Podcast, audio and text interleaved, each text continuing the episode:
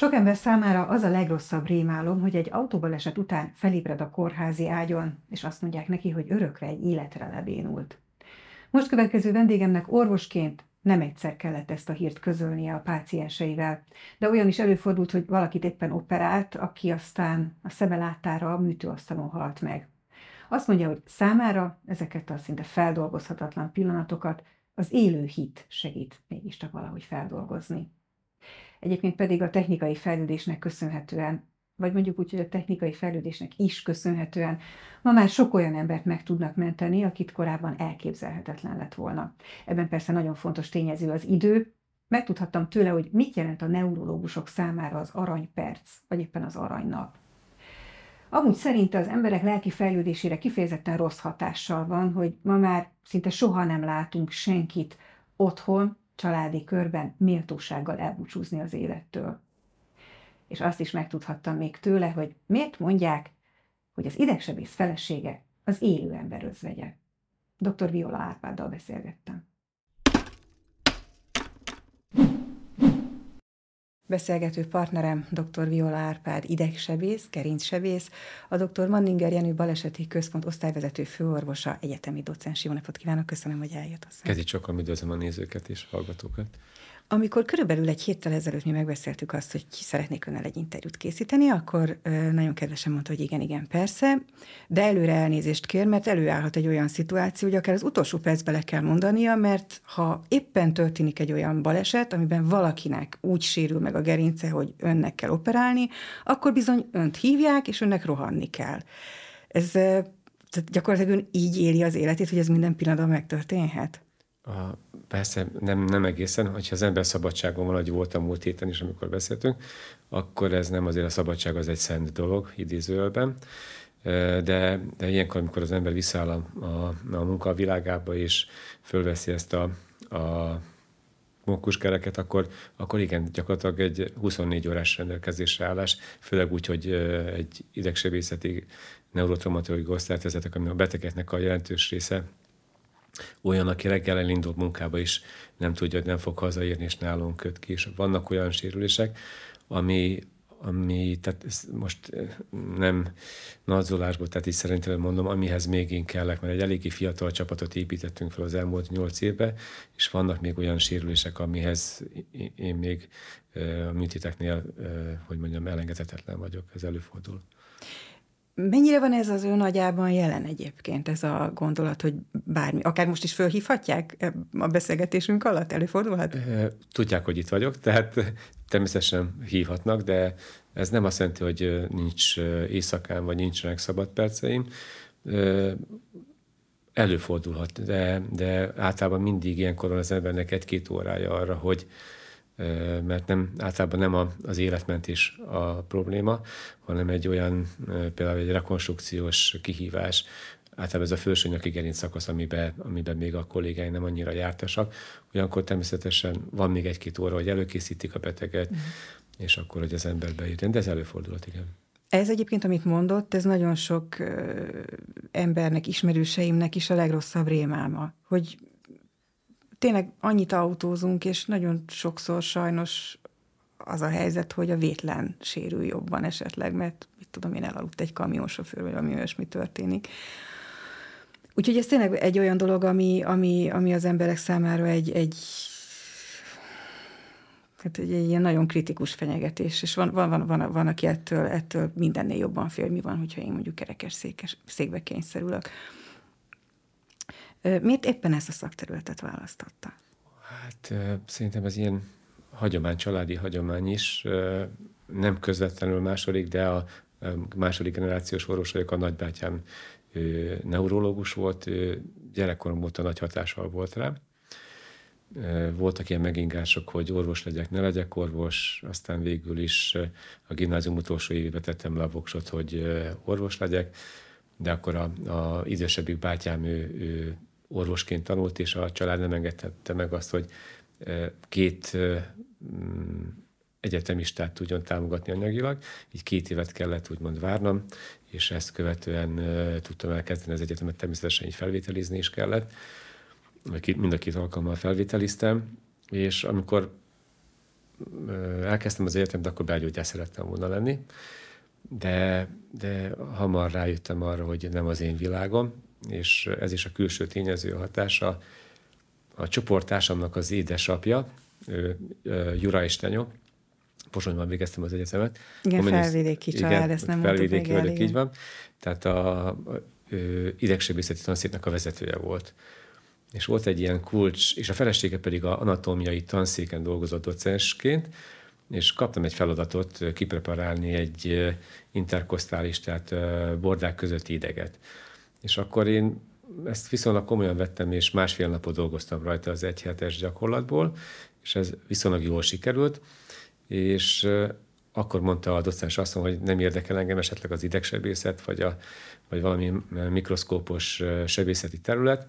Én igazán nem tudtam, hogy ez alatt mit lehet érteni, és akkor ennek a hatására elkezdtem az egyetem mellett másodéves egyetemistaként műtő segédként dolgozni a Pozsonyi idegsebészeti tanszéken, és akkor ez, ez a, elvarázsolt engem, és így alakult ki ez a, a vonzalom a idegsebészet, genésebészet iránt. És korábban igazából még, még agyműtéteket is végzett, tehát például agytumorokat eltávolításán, hogyha, ha, ha, ha jól tudom, és hogyha jól láttam én, amikor, amikor ennek utána néztem. Tulajdonképpen amiről beszélünk, az az, az emberi szervezetnek a, a vezérlő központja, ha így lehet mondani, illetve az az átviteli elem, ami továbbítja az egész testbe akár. Nyilván nem lehet itt ilyen különbségeket tenni, hogy most legfontosabb vagy nem legfontosabb. Nyilván egy embernek a szíve is legfontosabb, meg tud, de mindig az a legfontosabb gondolom, amivel, ami éppen veszélyben van. De hát azért ez egy, ez egy elképesztő nagy felelősség, ami az ön kezében van, nem? Ezt, ahogy ön is megfogalmazta, mindig mindenkinek az a legfontosabb, amivel probléma van. Tehát mm. egészségesek vagyunk, akkor nem tudatosítjuk azt, hogy mi mindennek, mi mindenét adhatunk hálát a jó Istennek, hogy mi így működünk, ahogy működünk, és ha baj van, akkor, ha a kezemmel van baj, akkor az a legnagyobb problémám. Ha éppen a központi idegrendszerrel, akkor az a legnagyobb problémám, és akkor még szerencsésnek gondolhatjuk magunkat, hogy tudjuk, hogy problémánk van. A nagyobb problémákkal már nem tudjuk, hogy problémánk van. Úgy fogalmazott az imént, hogy nem feltétlenül az életmentés az ön feladata, amikor mondjuk akár egy baleset után hoznak önökhöz egy beteget, és hogy azért van egy kis idő még előkészíteni a, a, a műtétre például, de szeret, szeretném a lényegét megérteni a munkájuknak, tehát hogyha jól értem, akkor azért itt az időtényező nagyon fontos, hogy mikor operálnak meg akár egy gerincsérültet. Igen, tehát minden egyes, például, hogyha traumás kopony vagy gerincsérülésekről beszélünk, akkor mindenki próbál protokollok alapján eljárni, és vannak úgynevezett aranypercek, aranyórák, esetleg aranynap, vagy aranynapok, ami az a varázslatos idő, amíg ha valamit teszünk, megteszünk, azzal a legnagyobb valószínűséggel tudunk segíteni, és a, azon az időn túl már nem biztos, hogy ugyanazt az eredményt, vagy bármilyen eredményt el tudunk érni. Például a koponyasérülésnél, hogyha valakinek epidurális vérőrnány van a, a koponyájában, az azt jelenti, hogy a kemény agyburok és a koponyacsont között ott a percek is számítanak. Ha valakinek van egy gerinc sérülése, amikor a gerincvelő nyomás alá kerül, akkor vannak úgynevezett aranyórák, ezt általában 4-8 órában szoktuk, attól függ, hogy hol is milyen nyomás alatt van a gerincvelő meghatározni. Ugye amikor van mindig a, a feladatunk az életmentés, aztán a funkciómentés, és azt követően a funkciómentés az néha megkésik, vagy pedig a lehető legtökéletesebb funkciómentés, amikor már megtörténik az életmentés, megmentettük a funkciót, de hosszú távon például a gerincnél, amikor megmentjük a gerincvelőt, de a gerincoszlopot még, még stabilizálni kell. Na, az ilyen esetekben várhat. Tehát akkor itt akár napokat is, néha hetekre is kényszerülünk, mert a beteghez nem lehet hozzányúlni. Ez borzasztóan frusztráló lehet, nem? Amikor ön tudja, hogy meg tudta volna csinálni, hogyha egy órával hamarabb kerül oda az illető beteg. És hogy most már egyszerűen csak az időtényező miatt megvan az ön keze kötve, már nem tud annyit segíteni, amennyit a tudása alapján tudna. Hát ezt a terhet nem, nem igazán jó, hogyha az ember magára veszi, mert akkor, akkor tényleg beleőrül. Tehát vannak kollégák, akik minden beteggel idézőjelben meghalnak és vannak, akik kevésbé veszik fel. Meg kell találni az arany középutat, hogy a betegért harcolok, de ugyanakkor azt is el kell tudni rendezni magam, hogy én mit tudok megcsinálni, tehát az állapotbeli kötelességemet kell megtenni. Én akkor tudom megtenni, amikor a páciens hozzám kerül. Természetesen vannak, még olyan is előfordul, hogy az ember magányosan vagy társaságban, amikor így életet ment, elsírja magát, vagy pedig de, de, de, de, de ezt el kell tudni igen, magunkban rendezni, hogy az állapotbeli kötelességet kell tudni elvégezni, azon felül pedig mindannyian Isten kezébe vagyunk. Épp ezt akartam kérdezni, hogy önnek mi segített ezt, ahogy mondja, elrendezni magában? Ezzel kibékülni? Hát szerintem ez kell hozzá adottság is, mármint hogy pszichés adottság, stabilitás. Fontos, hogy viszonylag rendezett környezete legyen, tehát mentálhigiéniásan, családilag, sok minden benne van a munkahelyi környezet, hogy fölösleges feszültségek ne legyenek, és természetesen a, a kapcsolat, az élő kapcsolat a jó Istennel. Hogyha ezt persze kívülállóként ezt így nehéz megérteni, hogy élő kapcsolat a jó Istennel, de, de számomra ez egy létező dolog. A hit az akkor ezek szerint nagyon fontos ennek. Az élő hit, igen, mert a hit az, a sátán is hisz Istenben, tudja is, hogy van, de az nem, az élő hit. Így mondom. Ezt tudná egy picit részletesebben elmondani, hogy mondjuk, hogyha valaki ezt nem érti, akkor ez, ez, ez a különbség, ez, ez hogyan értendő? Hát általában mindenki hisz valamiben. És általában az emberek többsége, persze vannak az ateisták, azáltal kimondják, hogy nincs Isten, állást foglalnak, de általában az emberek többsége az, az a teremtőjében, ha nem is teremtőként fogalmazza meg, de hisz egy spirituális lényben, Ugye mi, aki, akik a hitről beszélünk, azt mondjuk, hogy a teremtőnk és Istenünk, és ennek különböző fokozatai vannak, amik fölismerjük a teremtőnket. E, aztán e, míg eljutunk odáig, hogy a teremtőnk az éltetőnk, de ugyanakkor a teremtőnk a megváltónk. Tehát ennek én úgy gondolom, hogy különböző fokozatai vannak, és a számomra, aki a református hitben próbálja egyengetni a, a lelki életét, ugye a, az abszolút, hogy mondjam, a megtérés az, amikor, amikor elismerem azt, hogy Krisztus a megváltom, bármit tehetek, úgyse lehetek tökéletes, de, de tökél, törekszem rá, és minden egyes nap ugye bűnök és kísértések elé nézünk, de végül is, mivel nem tudok tökéletes lenni, de ha leteszem mindezt Krisztus elé a keresztfán, a keresztfa elé, ahol keresztre feszítették, akkor gyakorlatilag Isten rajta keresztül engem is tisztának lát. Ez egy nagyon érdekes és misztikus dolog. Tehát amíg ideáig eljut valaki, a kívülállóként ezt úgy is lehet mondani, hogy valaki szektatag lesz, de, de, de belülről lesz ez a, úgy gondolom, hogy ez a élő kapcsolat Istennel, hogyha ideig eljutunk. Hadd kanyarodjak még vissza az előző témánkhoz. Volt már olyan, hogy a kezek között halt meg beteg, gondolom, igen? Gyakran előfordul, tehát évente több alkalommal is előfordul sajnos.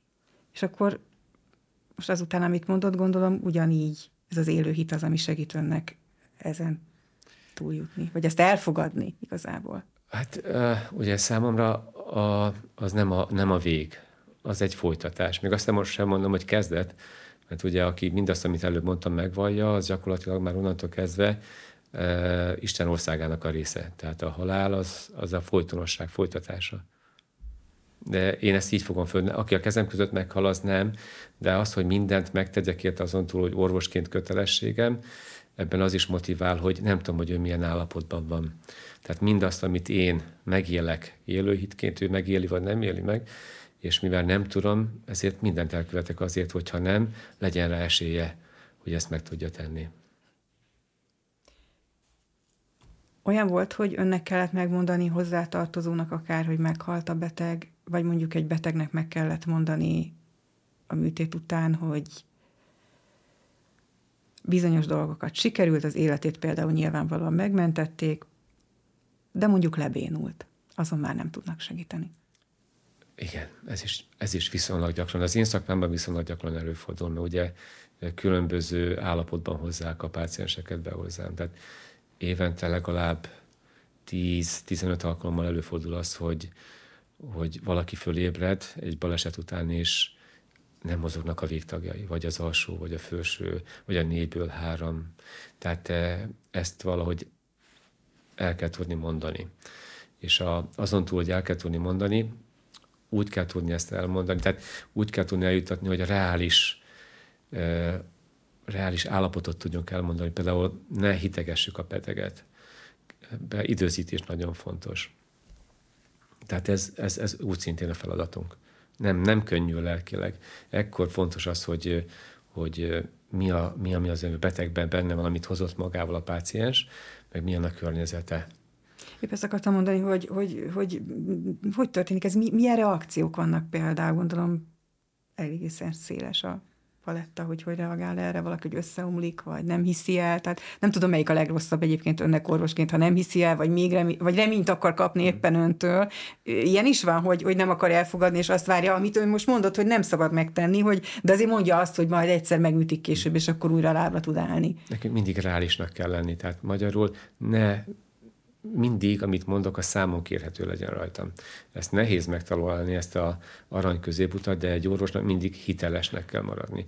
Ha a beteg a, úgy látja, hogy a orvos, akivel beszélget, hiteltelen, onnantól kezdve az megpecsételi a, a gyógyulás útját is, az esetek túlnyomó többségében, mert onnantól kezdve a bizonytalanság, azon túl, ami van állapotában, még van vele egy kommunikáló orvos, akiben bizonytalanság van, vagy hiteltelenség. Tehát mindig arra kell törekedni, hogy a hitelességünket megtartsuk, és el kell mondani valójában, hogy mi a helyzet. És hogy kezeli ön a, a, a viszontválaszt, a reakciót? Tehát egy kicsit kvázi pszichiáterként is kell akkor, vagy pszichológusként ott jelen lenni? Ezt, hát lehet ezt mondani? a feladatot nem venném magamra, de, de ez egy csodálatos csapatmunka. Mm.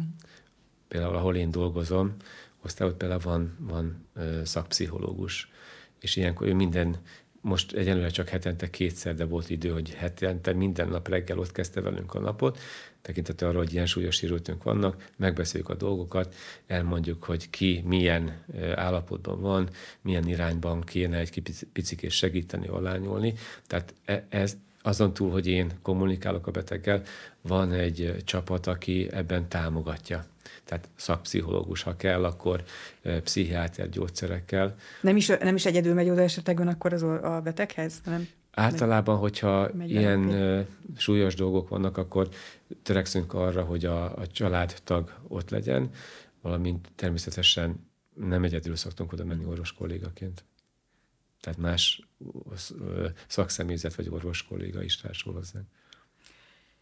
Amikor én először az ön nevével, illetve hát rögtön az arcképével is találkoztam, az évekkel ezelőtt volt, Magyarországra hoztak akkor egy robotot, gépet, majd ön elmondja, hogy pontosan hogy hívjuk ezt, ez az O-arm, aminek az volt a lényege, ha jól értettem, hogy műtét közben megkönnyíti a munkájukat, mert folyamatosan akár, vagy többször is a műtét alatt egy nagyon pontos képet ad a betegről, arról a részről, amit éppen operálnak. Nekem föltűnt akkor, hogy, hogy a riportban egy ilyen maketten vagy babám mutatta be, hogy mit csinál, hogy nem is azt nézte igazából, hanem a képernyőt.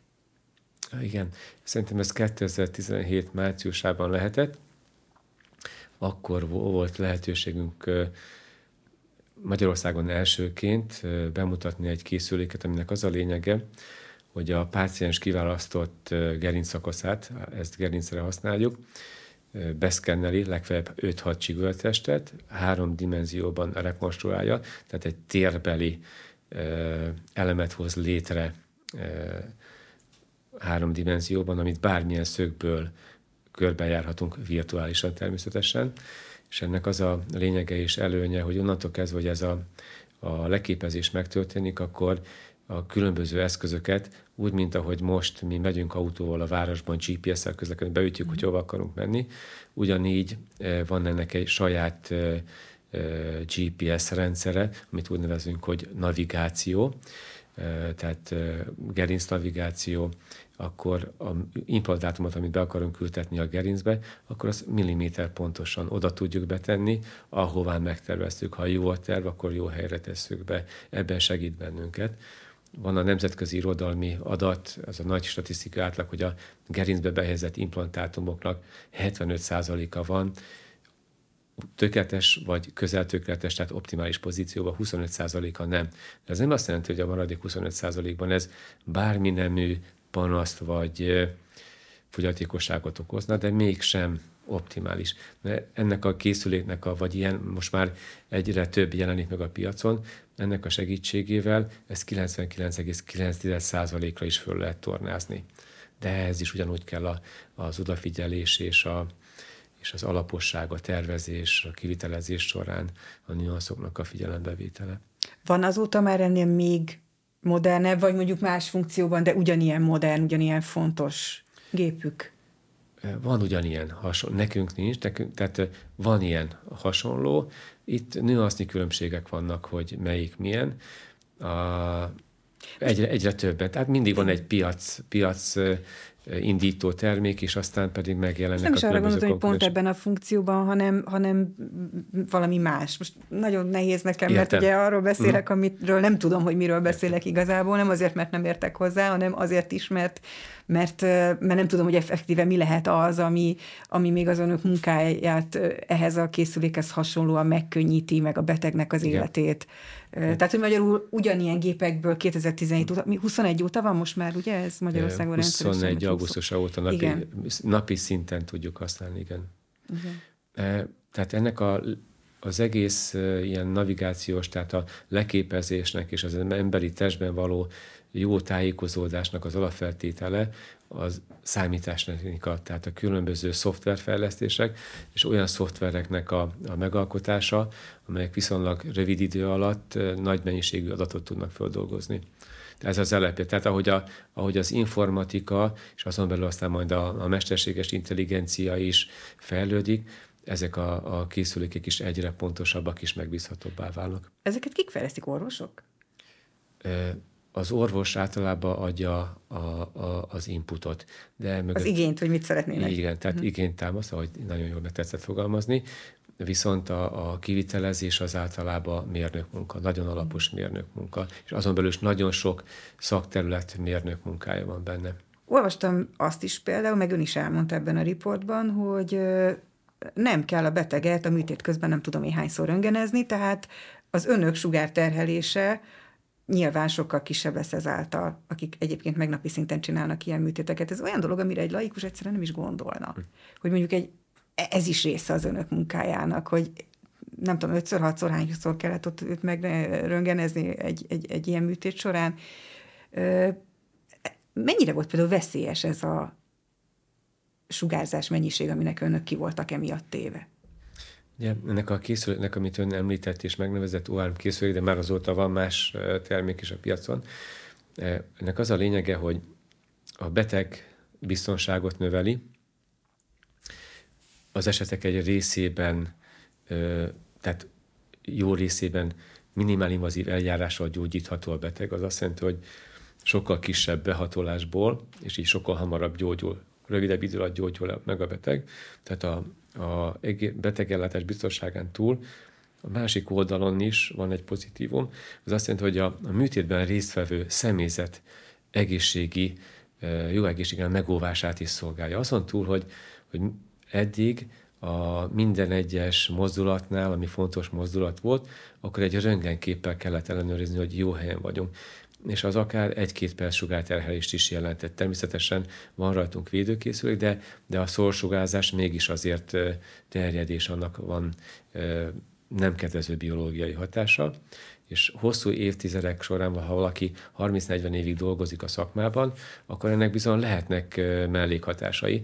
Még nem is tudjuk, hogy milyen mellékhatásai vannak, de, de, de kimutatható, hogy gyakrabban fordulnak elő daganatos betegségek, akik ö, gyakrabban vannak sugárterhelésnek kitéve. Ez egyértelmű. Tehát magyar orvosok, lesz, asszisztensek között. Orvosok, asszisztensek. Tehát ott az egész csapat. Az azt jelenti, hogy a beteg ö, hordótól kezdve egészen a, az operáló orvosig ennek volt kitéve. Ennek az eljárásnak az a lényege, hogy egyetlen egyszer történik egy szkennelés, tehát a beteget egy alkalommal szkenneljük be, onnantól kezdve nincs sugárhasználat. Tehát a műtét elejétől a végéig tehát a személyzet annál a szkennelésnél sincs bent, tehát gyakorlatilag csak a beteg egyedül van bent, akinek eleve meg kell kapni, de sokkal kisebb dózist kap meg így is, mint ha a műtét során többször sugaraznánk. Tehát ő megtörténik a beteg szükséges szkennelése, ezt követően a személyzet nincs kitéve sugárterhelésnek. Ez a sugárterhelés része. A másik pedig az, hogy egy nagy adag stresszt vesz le az, a, az orvos válláról, ugye mert óhatatlanul is, amikor az ember ilyen dolgot csinál, hogy beültet egy implantátumot, amikor az esetek például egy részében felsőnyaki gerincszakasznál két-három milliméteres mesdjén dolgozik, és mindez két síkban van leképezve. Tehát ehhez kell a tapasztalat, az intuíció, van, aki mondja, hogy a, a, a jó szerencse, hogy az Isten áldása, hogy jó helyre tegyen be azt a, a csavart, és ne a nyúltvelőnek tegyen be, a keringés és a légzés központja van, vagy másik oldalon a három mm arrébb van egy verőér, és akkor elvérzik a beteg. Tehát ezt a stresszet is le tudja venni, mert ez a készülék navigál, hogy hova tegyem azt az implantátumot. Tehát magyarul a stresszfaktor is jóval kisebb. És azért 30-40 év alatt ez a, stresszfaktor is számít, tehát szívinfarktus, szívjárendszeri betegségek kockázatának a csökkentése. Tehát ez most indul meg. Mm. Ezt majd most fogjuk látni. Adja Isten, hogy egészségesebbek legyünk majd 30-40 mm. évben, mint enélkül lennénk. Amiről mostanáig beszélgettünk, jó részt, nem csak, de jó részt olyan esetek voltak, amikor ahogy ön is mondta, történik egy tragédia, és valaki emiatt műtőbe kerül.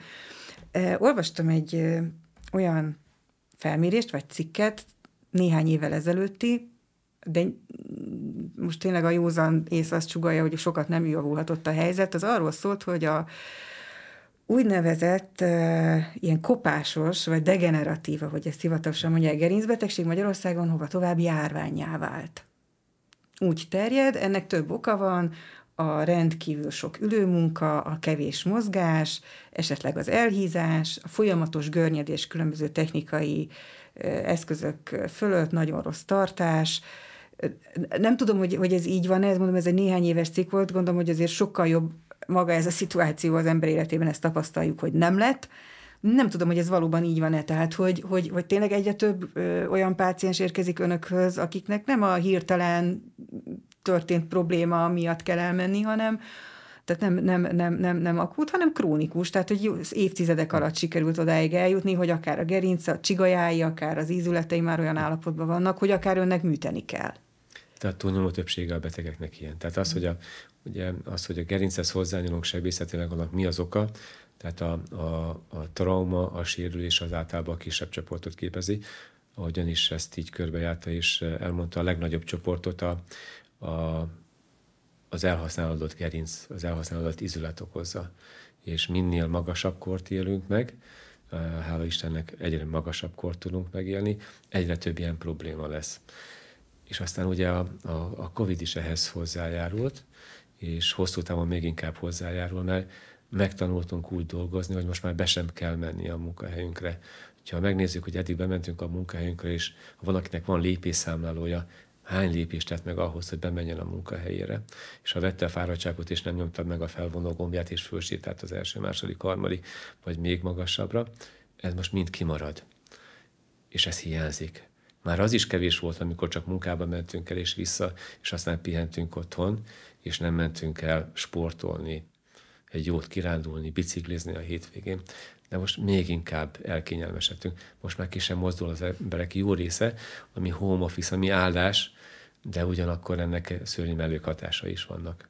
Vannak, és egyre inkább lesznek. Tehát valahogy természetesen ez jó dolog, sok időt meg lehet spórolni, viszont azt is tudatossá kellene tenni, hogy ezt hogy kell kompenzálni ahhoz, hogy én egészségesen, minőségi, magas életkort tudjak megélni, ahhoz ezt a tudatosságot is belénk kell plántálni, hogy, hogy mozogni kell.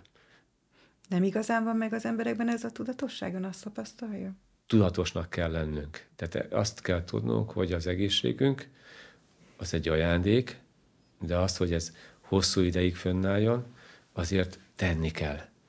Tehát valahogy ezt kell tudatosítani. Ez nem egy, nem egy örök ajándék, és előbb-utóbb úgy is kopni fog, de az, hogy mikor kezd el kopni, az ellen lehet tenni. Tehát ezt kell tudatossá tenni bennünk. És akkor lehet Covid, bármi, ugye, mert éppen, ha jól tudom, akkor Angliában volt, hogy egy száz éves vagy közel száz éves veterán úgy gyűjtött pénzt mások számára, akik Covid-ban szenvedtek, hogy ugyan volt már egy csípőprotézise, de legyalogolta a maratont a 20 négyzetméteres kertjében. Tehát neki megvolt. Nem véletlenül volt 99 éves, tehát nem akkor gondolt, hogy most neki áll sétálni maraton, de, de ez is egy példa, hogy a 10 négyzetméteren is, vagy a 20 négyzetméteren is, vagy a panel lakásban, vagy abból kiszabadulva is meg tudjuk csinálni, ugyanakkor tudunk pesvedni egy 200 négyzet ölös kertben is. És vár látni azt, hogy a kertész hogy teszi rendbe azt a kertet, amit mi is meg tudnánk csinálni, és még akkor mozognánk is. A veteránokat említette. Olvastam azt, hogy ön az 56-os szabadságharcos hősök rehabilitációjában végzett munkájáért kapott egy kitüntetést. Egészen pontosan az 56-os lovaglend magisztrátusától a rend nagykeresztje polgári tagozatának a kitüntetését. Hogyan került ön kapcsolatba 56-os megrokkant, gondolom, veterán forradalmárokkal, szabadságharcosokkal? Engem is meglepett, amikor fölterjesztettek erre, és nem tudtam én, hogy ennyi 56-ossal foglalkozom, mert nem mindig jutottunk el odáig, hogy ezt elmondja egyik a másiknak, de a praxisnak az építése most jó értelembe vett, az olyan, mint egy játék. Ha az ember foglalkozik valakivel, és elégedett az ellátással, akkor az viszi a hírét. Feltehetőleg itt most már a forrás is megvan, hogy hogy indult ez az egész folyamat. Valakinek segítettem, aki, ha jól tudom, akkor ráadásul egy sortűz áldozata és túlélője volt. És aztán jöttek különböző betegségek, szövődmények, emésztőrendszeri betegséggel kezelték, aztán kiderült, hogy ennek a hátterében egy gerincbetegség valami feltehetőleg összefüggött az akkori sérülésével, ezt nem tudom őszintén megmondani, hogy igen vagy nem, és akkor így gyakorlatilag rajta keresztül egy ilyen közösség talált meg engem, hogy akkor ez, ez szerencse jó Isten áldása. Én ezért őszintén szólva nem tettem tudatosan, de onnantól kezdve, hogy tudtam, hogy kik ezek az emberek, azért mindenkivel együtt érez az ember, de mégis ők harcoltak valamiért, ami nélkül mi most nem ülhetnénk és nem beszélgethetnénk, vagy ha igen, akkor lehet, hogy két-három évtized késéssel. Tehát ők tettek olyan nemes dologért, nekem meg megtisztelő volt, hogyha őértük tehettem. Ugyanígy akkor még meg se születtem rá 19 évre, de, de mégis jó dolog olyanokkal segíteni, akiknek sokat köszönhetünk. Igen, éppen ezzel gondolkozom, azt tudtam, hogy ön ahhoz túl fiatal, de gondoltam, hát ha esetleg a családján keresztül valahogyan mégis érintette önt. Az Még úgy sem, mert, mert sajnos határon túliként igen, igen, ezt, ezt nem tudtam megírni. Ez valahogy így nem volt benne szándékosság. Szerintem egy, ebben a, ebbe a idézőjelben, jó értelembe vett szubkultúrába úgy kerültem be, hogy, hogy valakit kezeltem, és akkor ez ennek úgy híre ment, hogy gondolom én. Mm. Ugye összerakom az agyukokat. A, azt, azt tudom, hogy, hogy a, a származása nagyon fontos önnek. Tehát Gútai, ha jól tudom. Igen van három fia, és Igen. őket is úgy nevelte, neveli, hogy, hogy, hogy nem szakadtak el teljesen a felvidéktől, annak ellenére, hogy itt vannak most Magyarországon. A gyökerek azok, azok nagyon-nagyon fontosak. Ugye a, a, mind a, a három fiúból kettő született ugye Nyitrán, harmadik fiunk, ő már itt született Magyarországon tehát a, a gyökerek azon túl, hogy honnan származnak természetesen az anyanyelv megtartása, de így, hogy átjöttünk Magyarországra, ez egy természetes folyamat. Ezért gyakorlatilag az ember nem kell, hogy tegyen, csak jobban odafigyeljen, hogy minőségében jobb legyen. Én ezt igazán nem értem meg gyermekkoromban, mert, mert én olyan környezetben nőttem föl, hogy a, a lakosság 90%-a volt magyar, 9%-a volt roma, 1%-a volt szlovák, akik ráadásul szebben beszélték a magyar nyelvet, mint én, mert Békés Csabáról hogy, e, telepítették át őket, és leszármazottaik voltak. Tehát nekem ez, ez természetes volt, hogy ott is magyarul beszéltem. Akkor volt, e, ugye szembesültem ezzel, amikor középiskolába kerültem, hogy aztán egyetemre, mert Pozsonyban végeztem, de őszintén szóval ekkor sem éltem meg a, a negatív hatását, és őszintén meg kell mondani, én igazán szlovákul az egyetemen tanultam meg. Tehát nincs jó nyelvérzékem, tehát kellett volna jól megtanulnom, de mivel nem áldott meg a Jóisten nyelvi, nyelvérzéke, jó nyelvérzéke, ezért a lehető legjobban ott megtanultam, de utána valahogy úgy hozta a helyzet, és úgy irányítottam, hogy ha orvosként akartam volna ugyanezt a a pályát építeni, akkor ezt csak Posonyban tudtam volna megtenni. és ahhoz viszont óhatatlanul is nem biztos, hogy a gyerekeket magyar iskolába tudtam volna járni. Nagy valószínűséggel igen, mert Pozsonyban is van egy magyar gimnázium, de nem biztos, hogy, hogy így módon lehet, hogy erősebb lett volna még a nemzettudatok, mint most, de, de akkor fölnézve, fölmérve ezeket a dolgokat, döntés elé kerültem, és ugye gyakorlatilag az egész család is úgy döntöttünk, hogy inkább akkor Magyarországon próbáljuk mindezt megvalósítani, és ez, ez úgy érzem, hogy nagyobb rész sikerült. Azt mondta, hogy második generációs orvos a családban fiai közül van, amelyik orvosnak tanult, vagy tanul, vagy szándékozik tanulni? Mondanám azt, hogy sajnos nem, de ezt nem én sem, uh-huh. engem sem. Egyszer akartak engem befolyásolni, hogy erdész legyek, de szerencsére még el is kezdtem járni az erdészeti faiparira, amikor a, a, a idősebb bátyám orvosira járt, és itt pedig ösztöndíjat kaptam, Sopronba jártam, de valahogy nem az én világom volt, és próbáltam volna a szüleim álmát megvalósítani, de ez sose vezet jóra akkor az ember nem az önmaga álmainak, vagy az elképzelésnek a megvalósítója. Kaszírkodott mindkét gyerek, rövid ideig a két idősebb, ugye az egyik kölyük az most 20 éves germanisztika szakos, a, a másik, a, Gellért az első szülött, Ákos a második szülött, aki most végezte a 11 és 12 Ő is kacérkodott egy ideig, de nem. Szerintem bizonyos szempontból el is tántorították azt, amennyi energiát és időt beleöltem bizonyos szempontból a karrier építésébe is ezt, és ez jó, mérték, jó részt tőlük is elvettem. Tehát egy, egy orvos, de más szakmára is azért érvényes több időt tölt távol, mint otthon. Tehát, sőt, még szokták is mondani, hogy a, a, az idegsebész feleség az az élő ember özvegye, mert hogy annyi idő van távol a családjától. Kisebbiknél most egy picit próbálom ezt kompenzálni, kicsit jobban odafigyelni, amikor az ember már elérte azt a kort, és már úgy érzi, hogy van karrierje, és akkor egy picit leereszt. Most próbálom kompenzálni. Másik két gyereknek ez az idő nem jutott ki, de a harmadiknak ez most jobban oda megy. Egyiknek sem mondtam, milyen pályát válaszol, ők döntik el. Igyekszem jó példával szolgálni, ez sajnos nem mindig sikerül, mert esendő vagyok, de igyekszem amiről egyszer már most beszélgettünk, szót ejtettünk, mm, hogy van, amikor, amikor meghal egyszerűen az önkeze között beteg, ez óhatatlan nyilván. Lehet azt mondani, hogy egy orvosnak a halálhoz valahogy más a viszonya, a kapcsolata, mint egy átlagembernek. Most erre lehetne persze azt mondani, hogy nyilván egy rendőrnek, vagy egy tűzoltónak is, hiszen ők is olyan szakmában vannak, amikor gyakorlatilag ezzel minden nap találkoznak akár, de hát ez, ahogy kiderült, re is igaz. Nem tudom, hány műtétet végez egyébként egy héten? Van itt szám, lehet mondani? Hát úgy, úgy, sajnos még többet kéne végezni, sajnos a lehetőségek nem engedik kapacitát. Tehát hetente kétszer kerülünk műtőbe sajnos most, uh-huh. de, de ahogy szokták mondani, igény az lenne rá, hogy nagyobb esetben, de éves szinten olyan 5-600 műtétben veszek részt, nem mindig én vagyok az operatőr, de mm-hmm. általában ez az a szám. Heti, hetente ez változó. Értem. Szóval visszatérve arra, amit, amivel kezdtem, tehát, hogy, hogy, hogy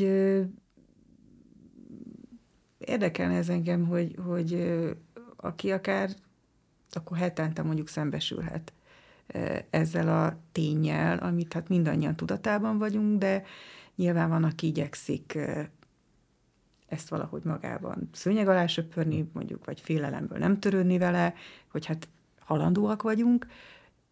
Ez az önök számára nyilván egy egészen más dolgot jelent, egy egészen más tapasztalat.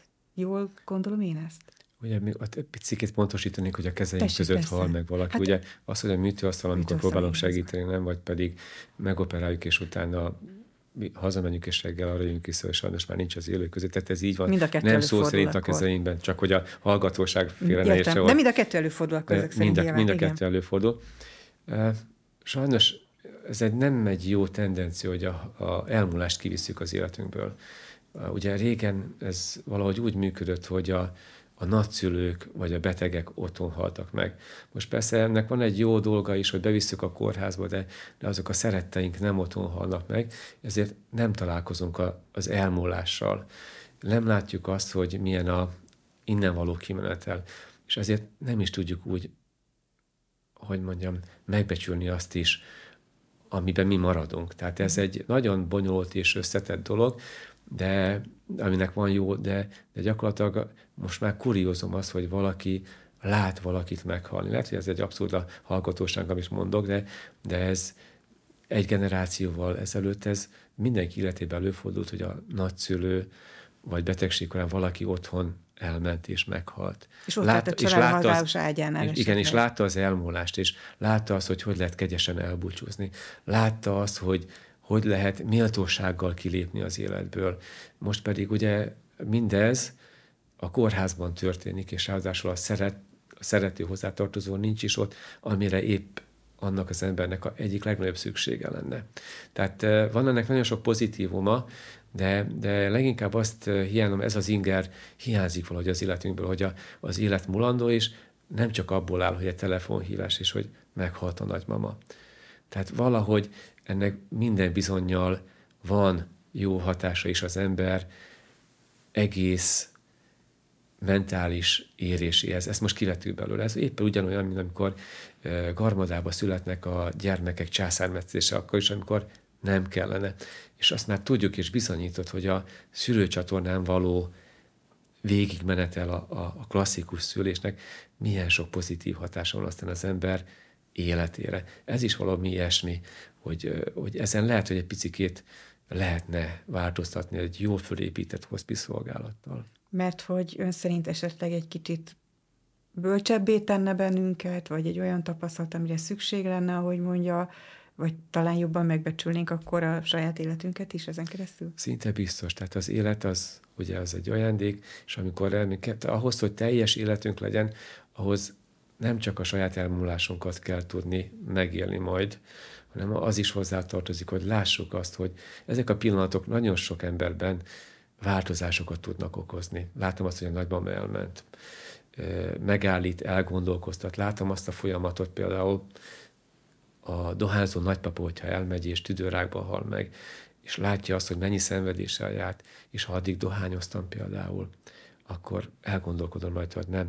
Most, most kisebb ingernek van kitéve az ember, mert bekerül a nagypapa vagy a nagymama a kórházba, és, és nem látja azt, hogy micsoda szenvedés van. Nem is kell, hogy lássa és megélje, de mégis egy picit nagyobb rész kellene belőlünk látni, ha nem is áttérni, de látni, hogy mulandó az élet. Nagyon köszönöm, hogy a vendégem volt. Én köszönöm a lehetőséget, hogy itt lettem. Kezdj csokon.